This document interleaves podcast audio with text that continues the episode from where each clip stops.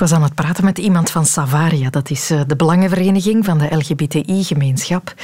En die vertelde dat hij een heel schattig mooi verzoek had. En dat is het goede nieuws. Dat verzoek was er. Het was een vraagje van een, eh, een heel oude dame, er is al in de tachtig, die graag een regenboogvlag wilde bestellen.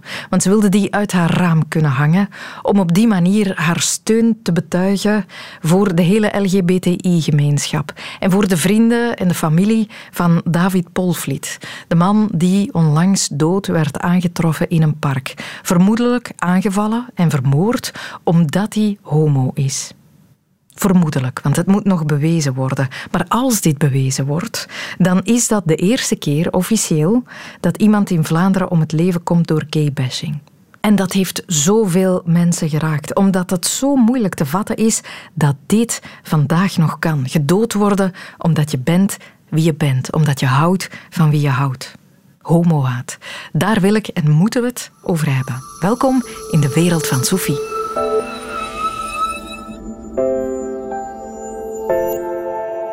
Ook kunstenares en mensenrechtenactiviste Fleur Pirets kon niet anders dan in haar pen kruipen. Zij schreef eerder al, je hebt dat misschien ooit gelezen, een hartverscheurend schoon boek, Julian, over haar partner Julian Boom, met wie ze wilde trouwen in alle 22 landen waar twee vrouwen dat mogen.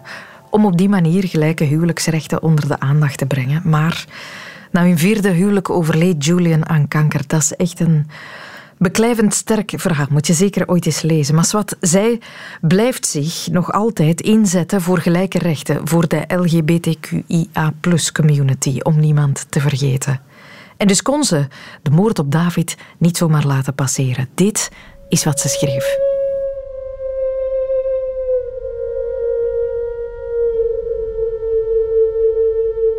Mijn naam is Fleur Pirets en ik ben kunstenaar, schrijver en mensenrechtenactivist. Maar de afgelopen dagen heb ik vooral veel gebeld, veel geluisterd en veel troostende woorden uitgesproken. Het nieuws over de vermoorde homoseksuele man heeft er ferm ingehakt. Stel je voor dat er mensen zijn die, zonder je te kennen, je zo erg haten dat ze je doelbewust gaan uitzoeken op een dating-app. Ze lokken je naar een afgelegen plek en ze slaan je dood. Waarom? Omdat je buiten de norm valt.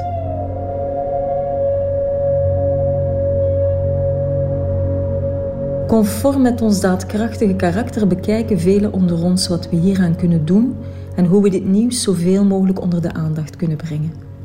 Maar zelfs al die daadkracht weegt soms niet op tegen de onmacht en het gevoel dat je niet mag bestaan dat sommigen onder ons letterlijk uitgewist worden. Dat ons bestaan ongewenst is. Voor veel mensen is dit een traumatische ervaring. Onze politici roepen moord en brand op sociale media. Ook partijen die eerder de Pride walgelijk noemden, die transgenderpersonen als abnormaal bestempelden, ja, zelfs de politici die aanzetten tot haat, hangen nu hun kar aan het collectieve trauma van een groep die ze liever uitgewist zien. Deze gruwelijke moord is een faling over de gehele lijn. Het falen van een overheid die de antidiscriminatiewet van 2007 amper opvolgt. Van een schoolsysteem die zijn leerlingen geen open geest meegeeft. Ouders die hun kinderen niets bijbrengen over diversiteit. En de media die meesurft op LGBT-haat omdat het hen lezers en kijkers oplevert. Niet alleen de daders, maar ook deze falende systemen zijn medeplichtig aan een laffe moord.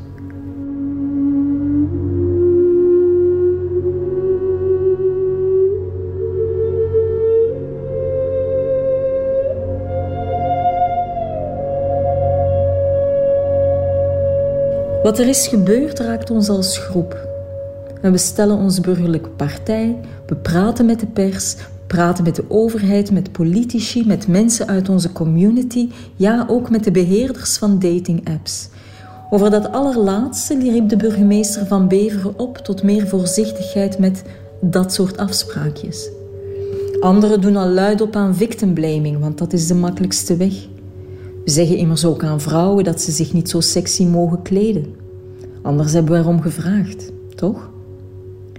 Voorzichtigheid is inderdaad geboden, zo blijkt, maar we mogen niet vergeten dat de schuld niet bij het slachtoffer ligt, niet bij mensen die op zoek zijn naar elkaar.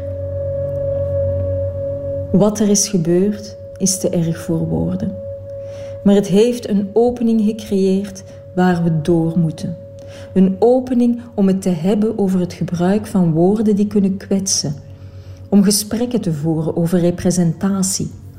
Om nog maar eens de zelfmoordcijfers van LGBT-personen op de tafel te leggen.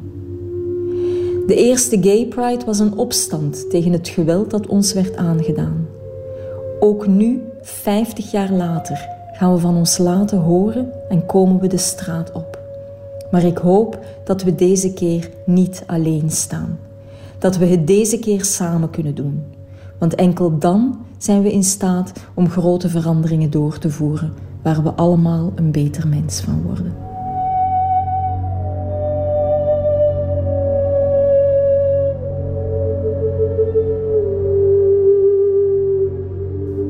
Dat is klare taal? Fleur Pirets slikt niks in. Het is een collectief falen. We moeten het collectief aanpakken om te vermijden dat er doden vallen of nog meer gewonden. Want wie het ooit meemaakte, zoiets, homohaat, die vergeet niet snel. Twee jaar geleden werd Tom de Walen voor zijn eigen deur in elkaar geslagen toen hij samen met zijn man afscheid nam van vrienden die waren komen eten. Zomaar, uit het niks.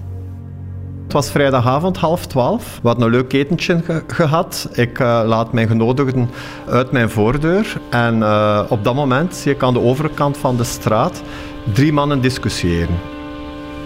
Dus aan de overkant is een frituur waar dat een, een, soort van picknicktafel staat. Een van hen gaf direct een reactie naar ons toe. Zijn jullie met ons ontlachen of wat? Eigenlijk wou die aandacht van ons. We gaven die niet, we keken er niet naar. Ik heb nog tegen mijn genodigde gezegd van stap zo snel mogelijk in de auto, want dat is er toch maar iets raar. Op het moment dat ik dat gezegd heb, stak hij al de straat over en kwam hij al op mijn oprit terug met de woorden hé, vuile nomo, zeide jij met mij aan het lachen of wat? Een van uh, ons genodigden was mijn broer trouwens, die ging naar die persoon en die zei van zou je niet beter aan de overkant moeien? Op dat moment roept die vent terug eigenlijk richting mij, zo van, wat ga je doen, vuil Jeannette? Ik voelde me ook op dat moment sterk, want ik was niet alleen. Ik had het gevoel dat ik het wel ging aankunnen. Op dat moment maakt hij een soort van schijnbeweging voor mijn broer en komt hij naar, naar mij gestapt. Je moet rekenen, dat is toch zeker 10, 15 meter. Dat was precies die vloog. Dat was op tijd van 2, 3 seconden stond hij voor mijn neus en gaf hij mij drie vuistslagen in mijn gezicht.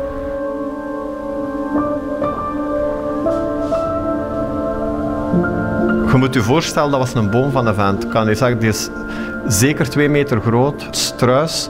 Als een brissende leeuw stond hij daar eigenlijk. Heeft ook proberen eigenlijk mijn, eh, mijn partner nog een slag te geven. Die is kunnen bukken, die is eraan kunnen ontkomen. En die is dan direct naar binnen gevlucht om de politie te bellen. Als de politie aankwam, was hij nog aanwezig en zijn uh, vrienden waren hem eigenlijk op dat moment zelfs nog in bedwang aan het houden. Hè. Hadden ze hem losgelaten. Ik was ondertussen in in, in mijn huis gevlucht. Hadden ze hem losgelaten, die was achter mij gekomen. Hè. Zo iemand was hij. Die zou een boel hier binnen nog kort en klein hebben geslagen. Dat was zeer duidelijk.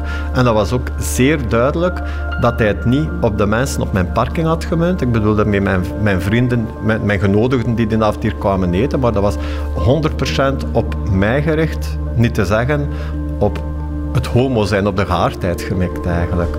100% zeker. Het enige dat ik me op dat moment nog herinner natuurlijk is dat ze direct een ambulance gebeld hebben, want ik moest dringend naar spoed. Ik bloeide uit mijn hoofd. Ik was een stuk tand kwijt. Ik had enorme nekpijn en hoofdpijn.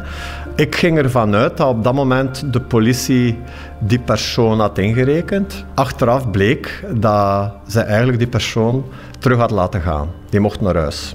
Dus die is met zijn vriend in de auto gestapt en die is, denk ik, naar huis gereden op dat moment. Daar ben ik wel een beetje kwaad van geweest, moet ik zeggen. Dacht toen wel echt van, allee, ik was zeer blij dat politie hier zo rap was. Maar op dat moment voelde ik me niet zo geholpen door de politie.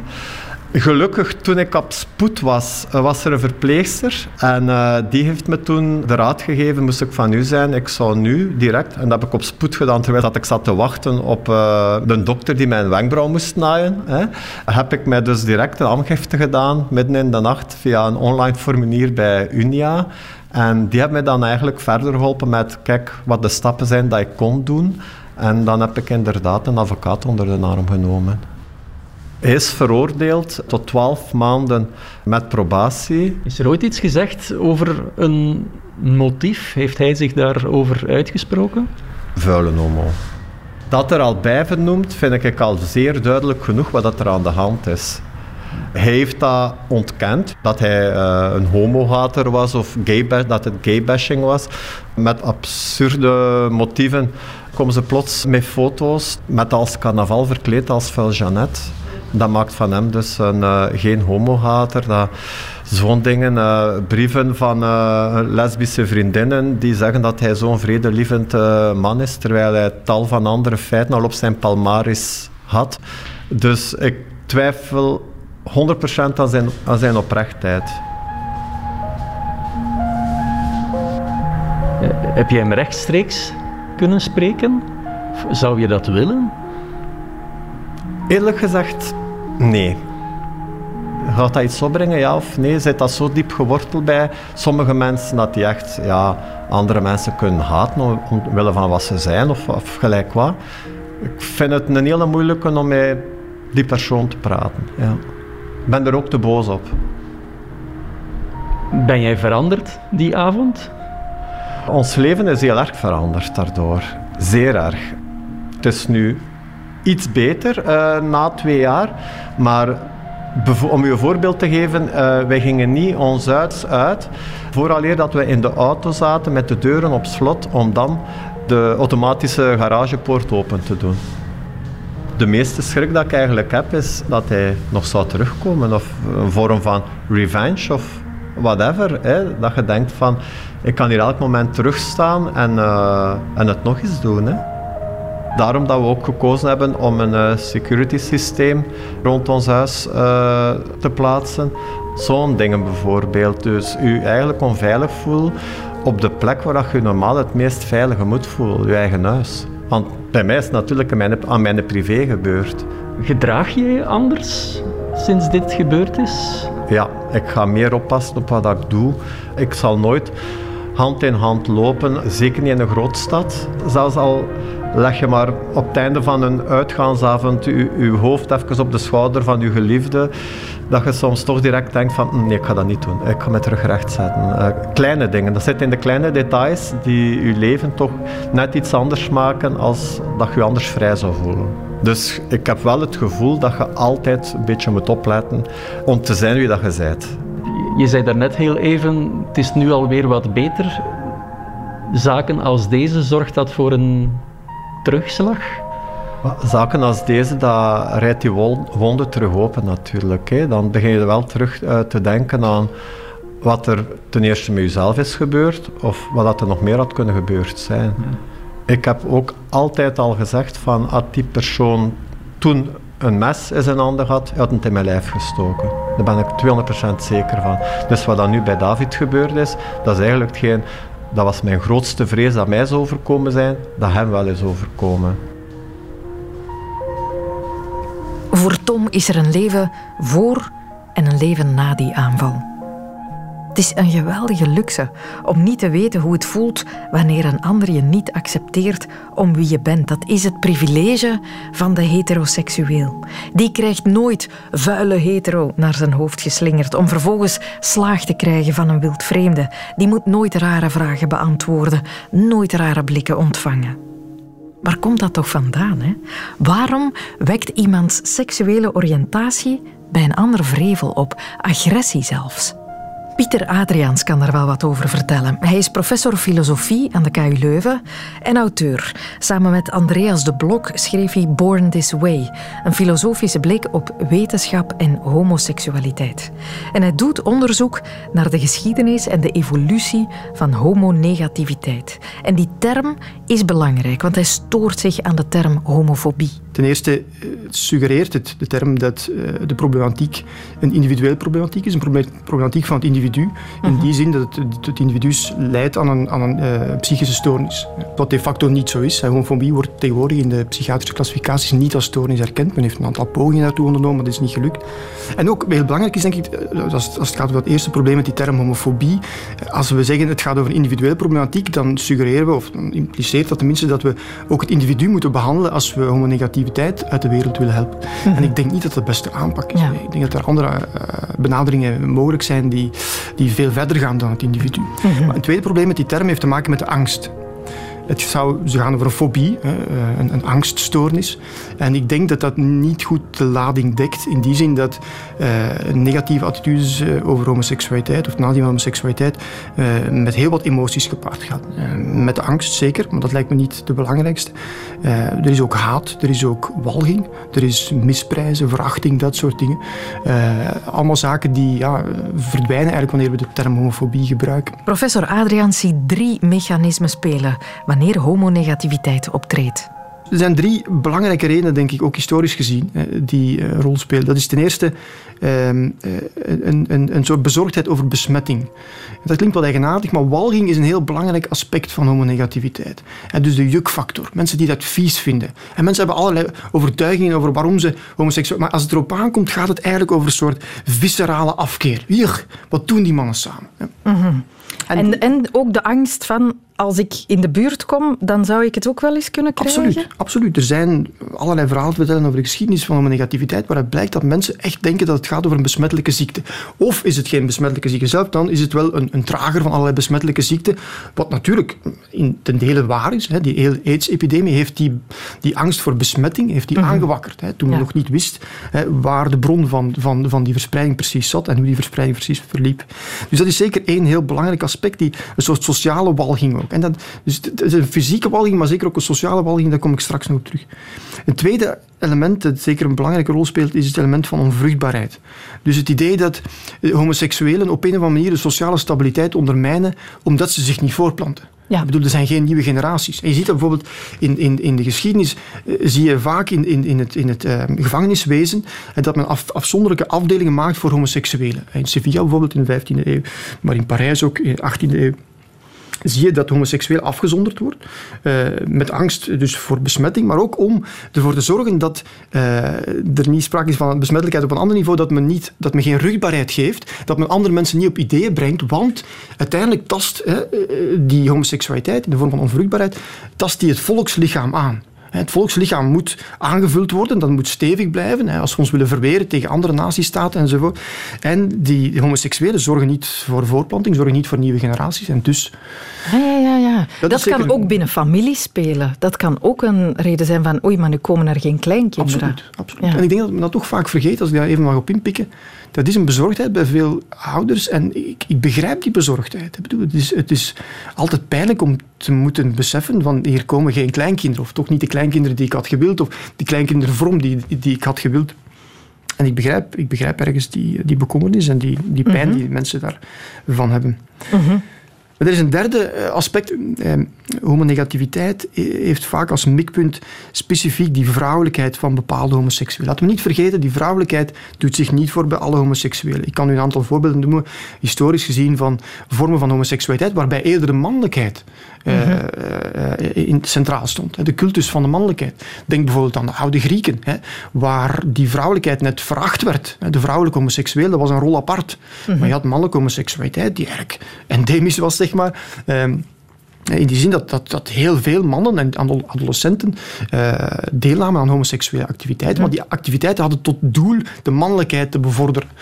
En dus het is vooral die vrouwelijkheid van bepaalde homoseksuelen die veel mensen tegen de borst stuit.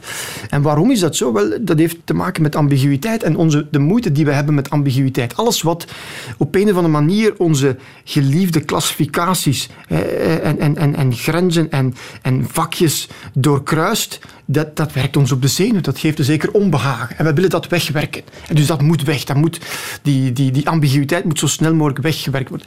Je merkt dat nu ook bij mensen, zeker in het begin van de eerste lockdown met corona. Die onzekerheid is een vorm van, van ambiguïteit. We weten niet wat er gaat gebeuren. Mhm. En dat heeft, denk ik, ja, dat is een van de belangrijke verklaringen voor, voor homonegativiteit. Zijn er volgens u oplossingen? Kan homonegativiteit op een dag verdwijnen? Wel, vanuit de wetenschap eh, is er één antwoord. Uh, men heeft allerlei onderzoek gedaan over uh, wat de reacties van mensen, dus hoe de homonegativiteit van mensen reageert op bepaalde stukjes informatie die men geeft over homoseksualiteit. Bijvoorbeeld wanneer men beklemtoont dat homoseksualiteit een aangeboren problematiek is, dat er een belangrijke rol is weggelegd voor de biologie. Mm enzovoort, dan is er onderzoek waaruit blijkt dat mensen iets wat minder homonegatief worden. Dus dat de tolerantie voor homoseksualiteit toeneemt. Educatie. Educatie. Dus je zou kunnen zeggen, natuurlijk de vraag is, is dat, is dat juiste informatie? Daar ben ik het misschien niet helemaal mee eens, maar goed, dat, is een, dat maakt de zaak alleen maar complexer. Maar het lijkt zo te zijn dat bepaalde soort informatie over homoseksualiteit eh, de homonegativiteit eh, doen verminderen. Mhm. Daarnaast denk ik is het, een tweede uh, aanpak belangrijk. Dat is dat we aandacht hebben voor alternatieve maatschappelijke rollen. Of de belangrijke maatschappelijke rollen die homoseksuelen gespeeld hebben in het verleden, maar ook vandaag nog spelen. We moeten beklemtonen dat uh, meer rechten of meer aandacht voor de rechten van homoseksuelen niet per se betekent dat men minder aandacht heeft voor de rechten van heteroseksuelen. dat is hetzelfde in de feministische strijd. Eh, Absoluut. dat spel speelt daarop. Ja, ja, iedereen wint uiteindelijk wanneer we uh, de homonegativiteit, homonegativiteit, proberen te verminderen. En ik denk, als je kijkt naar de geschiedenis van homoseksualiteit, er zijn heel veel belangrijke rollen die homoseksuelen gespeeld hebben. Die bekende liefdadigheid van mannelijke homoseksuelen speelt daar een belangrijke rol. En om ten derde, denk ik, is er, moet er aandacht zijn voor hoe wij mannelijkheid definiëren. Dat we zeggen dat we aandacht hebben voor de vraag wat is dat eigenlijk mannelijkheid? Hoe kan je vandaag de dag in deze maatschappij een man zijn? Welke rollen zijn daar? En, en wie bepaalt dat eigenlijk, wat mannelijkheid is? Mhm. Natuurlijk, als je kijkt naar Tsjetsjenië bijvoorbeeld, dus daar die verschrikkelijke documentaire, Welcome to Chechnya, die ik iedereen aanraad om te zien.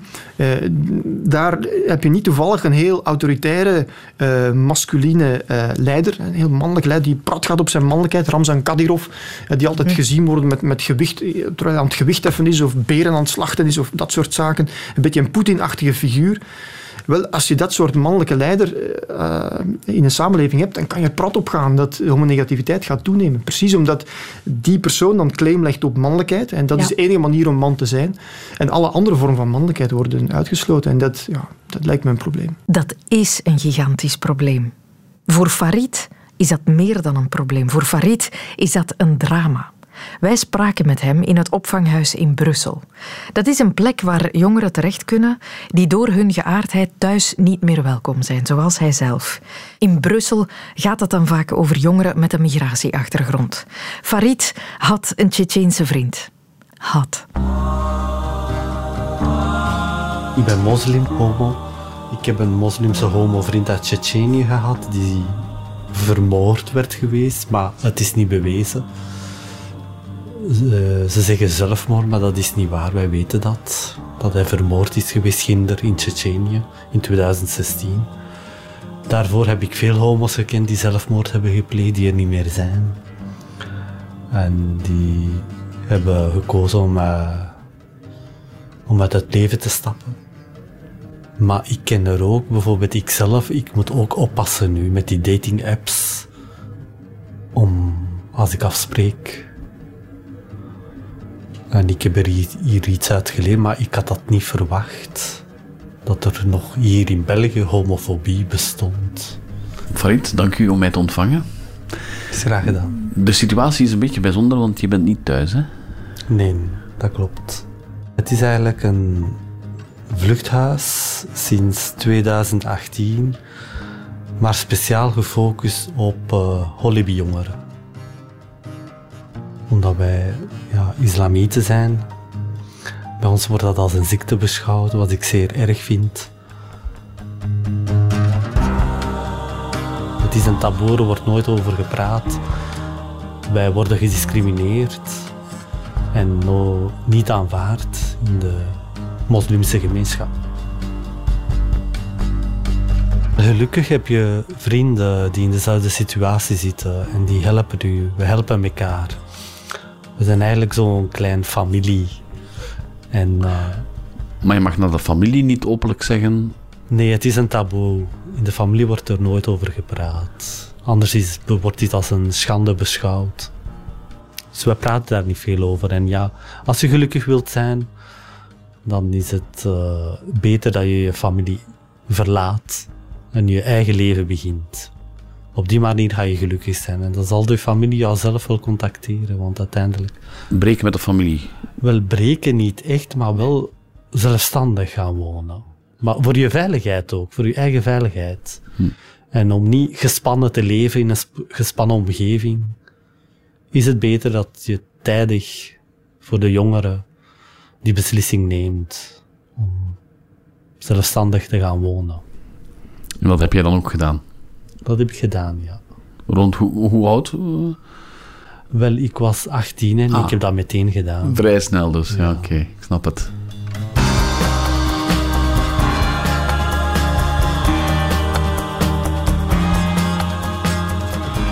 Hoe is de Tsjetsjeense jongen in je leven gekomen? Of hoe? Ja, hij was eigenlijk een van mijn beste vrienden. Ik had hem leren kennen met uitgaan in Antwerpen in een gayclub. En um, in Tsjetsjenië zijn ze zeer extreem moslim. En als ze horen dat je homoseksueel bent of lesbien, dan word je meteen vermoord. Meteen vermoord? Ja, gestenigd, vermoord. In sommige moslimse landen, ja, zoals Iran ook. En eh, hij is kinder op vakantie geweest en hij werd uh, verplicht om te trouwen met een meisje. En hij had geweigerd. En zijn ouders hadden zijn paspoort afgepakt. Dus hij kon ook niet meer teruggeraken. Hij had, mijn, hij had mijn hulp gevraagd. Ik had toen de Tsjetsjeense ambassade gecontacteerd, de Belgische ambassade.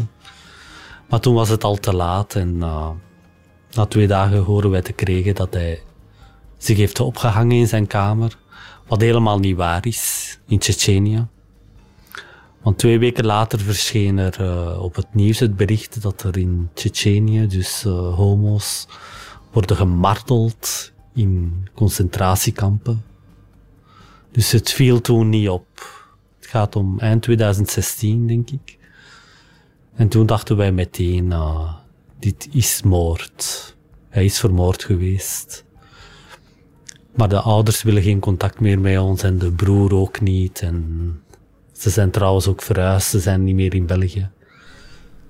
Wat is dit nu, een soort eremoord in de familie daar? Wel, het kan de ouders doen, denk ik niet, maar de familie van de ouders. Ja. En jullie waren close? Jullie waren... Jullie waren zeer close, ja.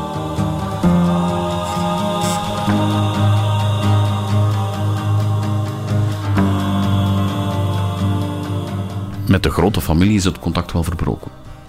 Enkel de ouders en misschien... Enkel de ouders en de zus. En, en de broer? Nee? Nee. Oei.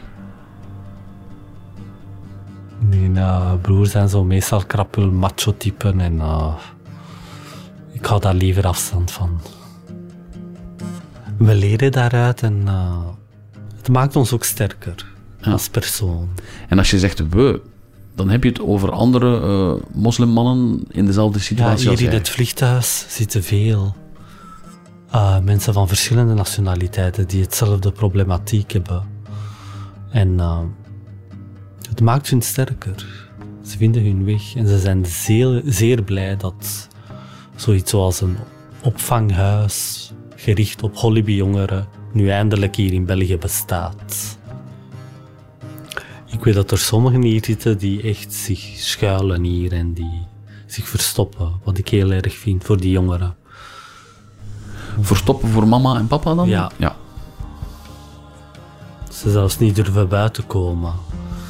Als ze schrik hebben dat ze hun broer gaan tegenkomen of hun ouders. Vind ik zeer jammer als je zo moet leven. Afschuwelijk gewoon. Dat is echt vluchten. Overal vind je homo's, maar homo-haat vind je ook in elke hoek van de wereld. Dus die haters zitten overal. Je moet voorzichtig zijn. Bijvoorbeeld als je rondloopt en ze spuwen op u of uh, ze beginnen u uit te schelden. Dan maken we allemaal mee. Hoe erg het ook is. Leer uzelf zijn. Ja. En probeer het op heel vroege leeftijd al. Probeer niet alles te verbergen. Ja. Want later gaat het te laat zijn. En ik ben fier op al de jongeren hier, dat hier in het vluchthuis zitten. Ik ben fier op hun. Maar iedereen moet verder met zijn leven. Hè. En liefst op een gelukkige manier. En maak gebruik van al die organisaties die er bestaan, opvanghuizen. Het Rozenhuis in Antwerpen, Merhaba in Brussel, Driekant in Leuven, verkeerd geparkeerd in Gent. Neem contact met hun op.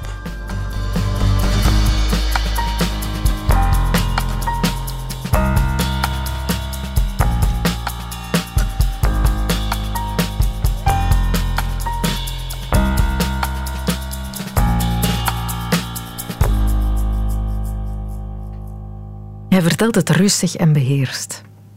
Maar wat een diepdroevig verhaal. Farid bouwt aan een zelfstandig leven, verplicht ver van de familie, omdat hij homo is, omdat hij houdt van wie hij houdt en omdat onze samenleving daar nog altijd niet helemaal klaar voor is. Fleur Pirets heeft gelijk, het is een collectief falen. Dat we collectief actief moeten aanpakken.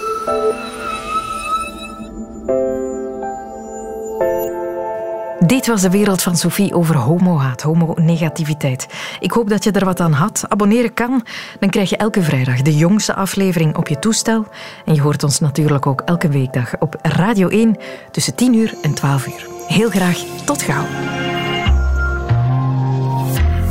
Dit was een podcast van Radio 1. Ontdek nog meer podcasts van Radio 1 in onze app en op radio1.be. Radio 1. Altijd benieuwd.